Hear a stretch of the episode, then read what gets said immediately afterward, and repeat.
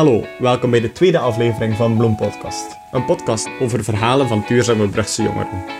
Deze aflevering wordt gehost door mijzelf, Noah, en ik heb Lore en Elena van Climate Conscious als gast.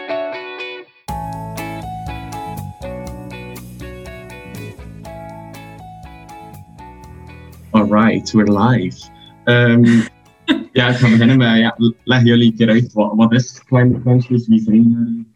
Ja, wij zijn dus gestart als een Instagram-pagina, denk ik, in augustus 2019. Ehm, en daaruit zijn we dan verder gegaan, eerst met twee. En nu, uh, sinds augustus 2020, zijn wij met vijf nieuwe leden begonnen. En een Instagram-pagina, maar dan ook een Facebook-pagina en een website. Um, om info te geven over de klimaatopwarming, over wat je zelf kan doen als individu. En gewoon om het laagdrempelig te houden, gewoon om jongeren zo wat te stimuleren om zelf actie te ondernemen en wat dat ze kunnen doen en waarom dat ze het zouden moeten doen. Waarom dat wij het doen. Want dat is ook belangrijk. Dat ook niet iedereen is perfect in wat dat hij doet, maar we moeten gewoon kunnen zeggen van ja, dit zijn wel de mogelijkheden die er zijn om de klimaatopwarming ja, misschien wel een halt terug te roepen, als we dat echt kunnen bereiken dan. Uh, wat dat Elina zegt, dat we zelf ook tonen van kijk, het is een, het is een proces en het is niet van op de een of de andere dag. En wij zijn ook absoluut niet perfect in wat dat we doen. En wij gaan ook nog stukken doen dat we denken, oei, daar kan ik ook nog in verbeteren. En hoe meer dat je erover leert, hoe meer dat je ook weet waarin dat je nog kan verbeteren. En die eerste stap kan soms wat moeilijk zijn, omdat je eigenlijk je gedrag probeert te veranderen. En daarin willen wij dat wat laagdrempeliger kunnen maken en zeggen. En ook wel die reden waarom. Waarom moeten we ons gaan aanpassen? Waarom is het zo noodzakelijk?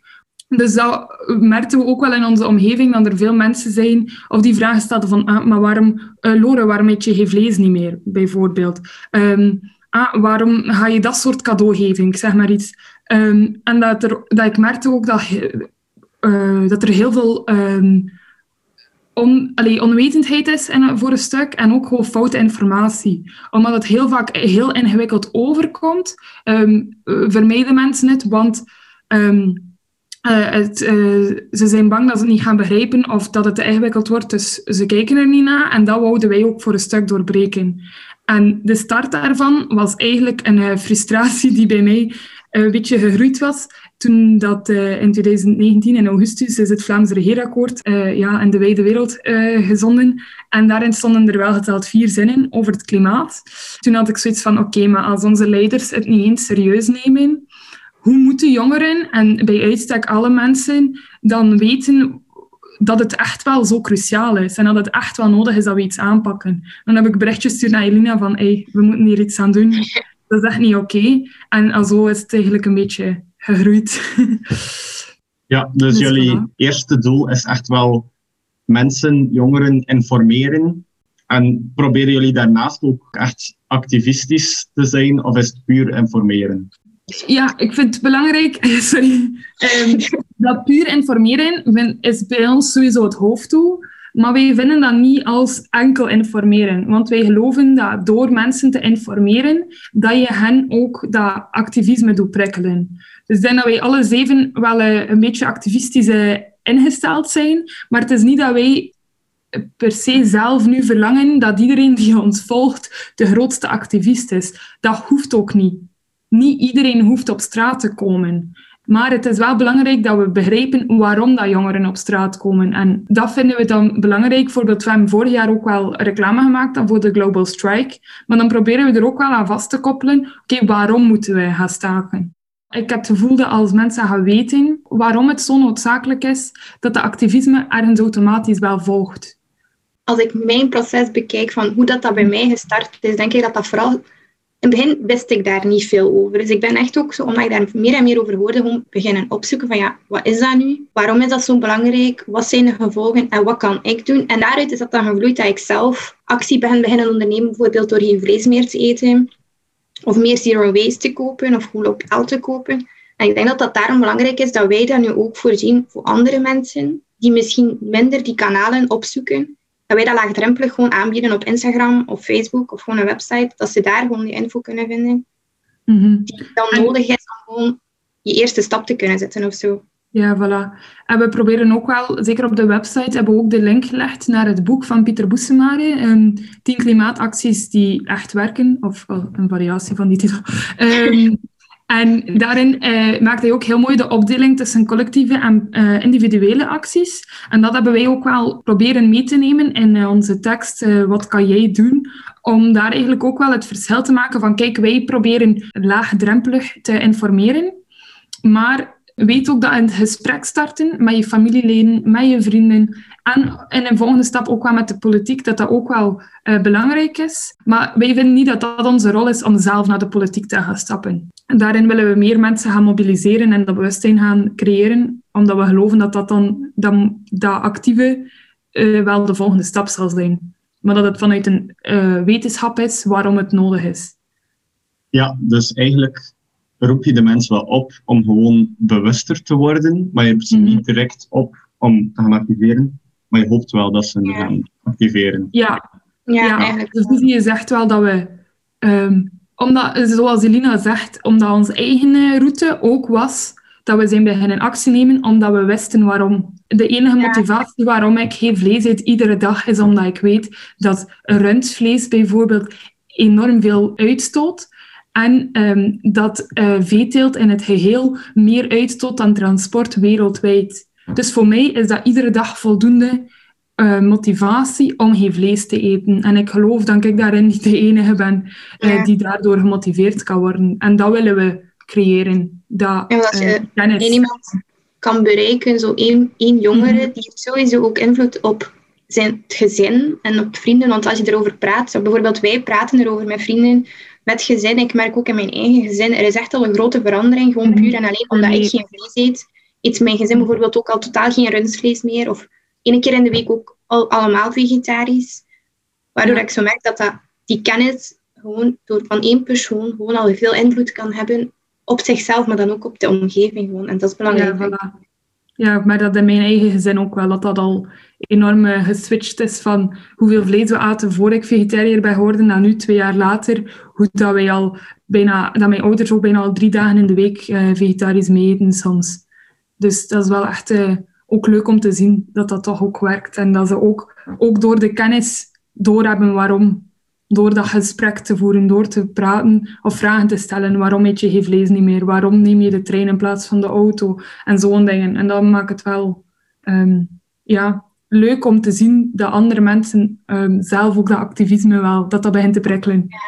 Um, als ik jullie Instagram-pagina bekijk, dan ja, zie ik een heel divers uh, beeld. Er zijn recepten van vegetarische en veganistische dingen tot uh, ja, reclame voor bijvoorbeeld uh, Week van het Bos of um, mm -hmm. ja, promotie voor bepaalde series, zie ik hier. Ja. En ja, hebben jullie dan elk zo een eigen input? Of zijn jullie één groep die dat allemaal samen kiest? Oh, en ik bedoel, hebben jullie een eigen specialisatie? En wat zijn ja. die dan?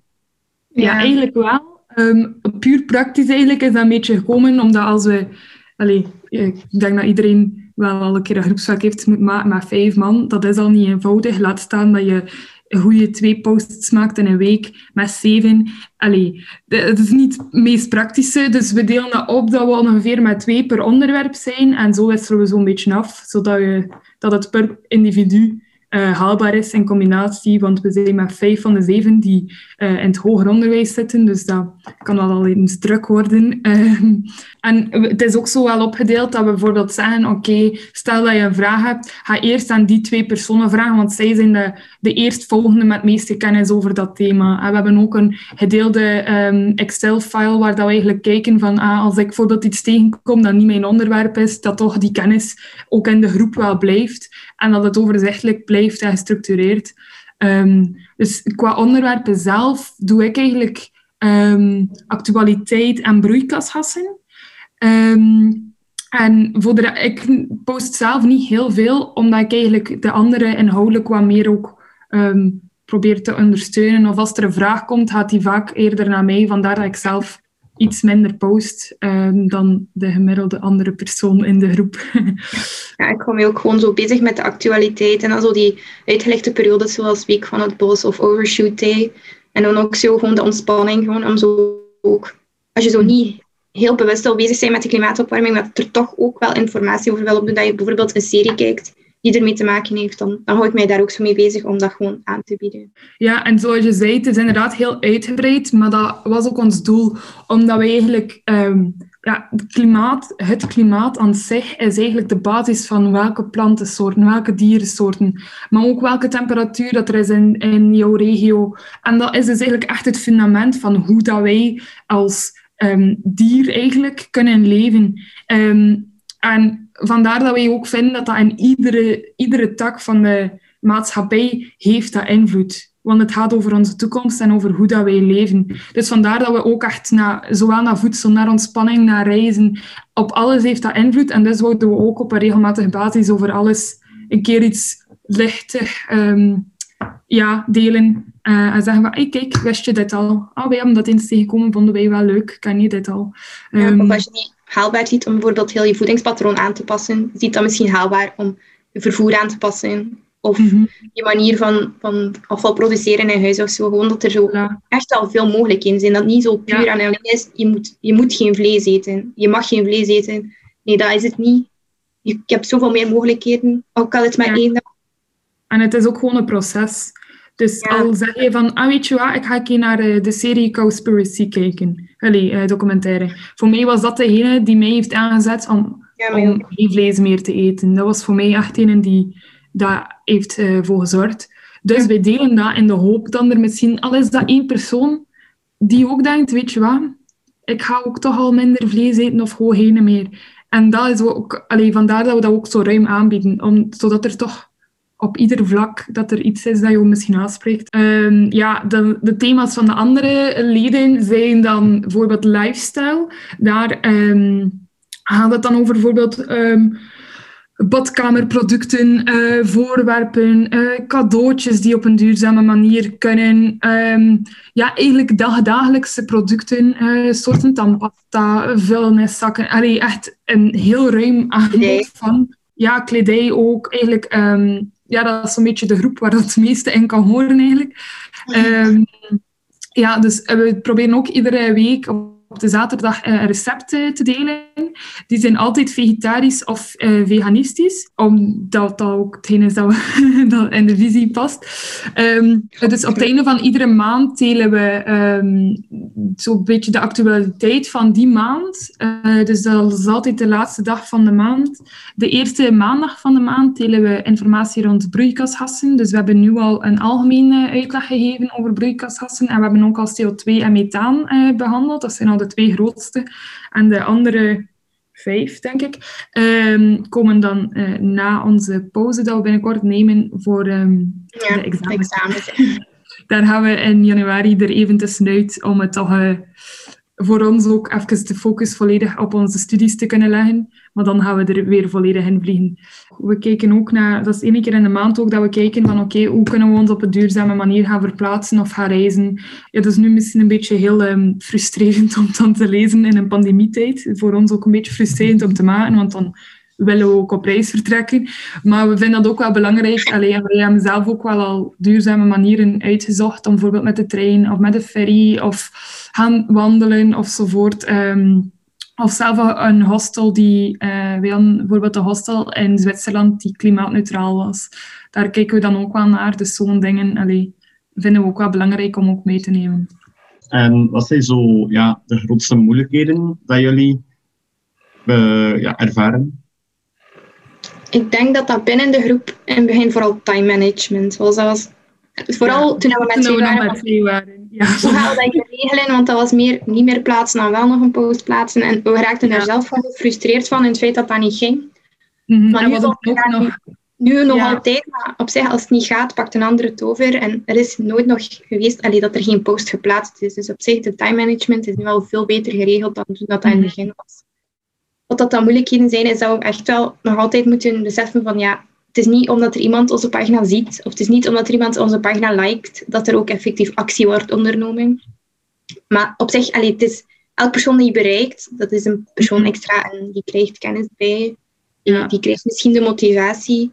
Dat is ook al een stap in de goede richting, want zo moet het ook beginnen. Wij zijn ook niet perfect, wij doen ook niet alles juist. Nee. En het, het draait hem volgens mij niet om het juist doen. Allee, eh, dat klinkt nu misschien wel tegenstrijdig, maar het gaat hem niet over het feit dat je alles op de juiste manier, om het zo te zeggen, doet. Het gaat hem om het feit dat je kijkt naar je leven en je denkt, oké, er zijn wel echt dingen die ik kan veranderen, die een verschil wel gaan maken. En dat gaat stap voor stap. Bij mij is dat gestart in, ik ga proberen één keer in de week vegetarisch te eten. Ik ga proberen op kot altijd vegetarisch te eten. En dan had ik dat in het weekend heel lastig om vlees te eten, omdat dat daar zo mijn filosofie in zat, waarom dat ik het niet had. Dus dan ben ik na een paar weken overschakeld naar volledig vegetarisch. Dus dat is ook wel echt een, dat is een evolutie. En je moet ook jezelf dan niet kwalijk nemen als het een keer een dag niet lukt. Ik ga ook een keer per ongeluk de auto genomen hebben en denk, eigenlijk kan ik dat met de fiets of de bus of de trein doen. Lore, volgende keer beter, kom aan. En dat is een deel van dat proces. En je hoeft daar ook voor jezelf niet boos op te zijn dat het een keer niet lukt. Je blijft de mens. Maar het is wel belangrijk dat je inziet Ehm, dat het op een andere manier ook kan. Um, het mag ook geen uitvlucht zijn van, ah ja, maar het is een proces, dat vak doe niets. Allee, dat is dan ook wel niet helemaal de juiste stap dat je aan het zetten bent. Maar ja, like dat Jelena zegt, dat bereiken en die actie, dat uh, zijn heel gelijken. Maar ik denk wel dat onze filosofie erin zit dat door mensen te bereiken, we, dat dat ook al een eerste stap is in die actie tegen dat wij daaraan begonnen waren, deed ik al een jaar de opleiding Milieu- en Preventiemanagement. Dus ik was al in een opleiding en pas een jaar in die opleiding dacht ik, eigenlijk moet ik nog iets meer doen. En nu, twee jaar later, begint het wel echt goed te, um, te draaien. Dus dat is ook wel echt een... Zelf voor mensen die daar zo in, in meegaan, duurt dat wel even. Dus allee, ik denk dat dat ook wel een belangrijke boodschap is voor de luisteraars, dat, dat, dat het oké is als het even niet gaat. Zijn er nog dingen dat jullie willen zeggen? Ja, toen dat wij probeerden informatie te zoeken, merkten we dat het oftewel heel ingewikkeld was, oftewel in het Engels was, of gewoon niet heel duidelijk, of niet beschikbaar gewoon. En dat wouden wij wat doorbreken. Wij vonden dat er daar eigenlijk een probleem zat en dat hebben we proberen voor een stukje op te vullen. Ziet gewoon ja, wat je wil doen, omdat je weet waarom dat je het moet doen. Doe het daarom, niet omdat je denkt van, ah ja, maar er zijn mensen die boos gaan zijn als ik vlees eet. Ja, nee. We zijn ook al aan het kijken van, oké, wat kunnen we met deze groep nog meer doen dan om nog meer die actie te krijgen. Um, voilà. Alright, uh, dikke merci. Dit was ja? uh, episode 2 van uh, de Bloempodcast. Verhalen van duurzame Brugse jongeren. Um, check zeker de pagina Climate Conscious op Instagram en Facebook. En check hun site ook op um, Google, dat is climateconscious.info. Um, super dankjewel om dit gesprek te hebben. Uh, ik heb veel bijgeleerd. Ik hoop dat je, uh, de luisteraars ook wat dingen hebben bijgeleerd. En um, dank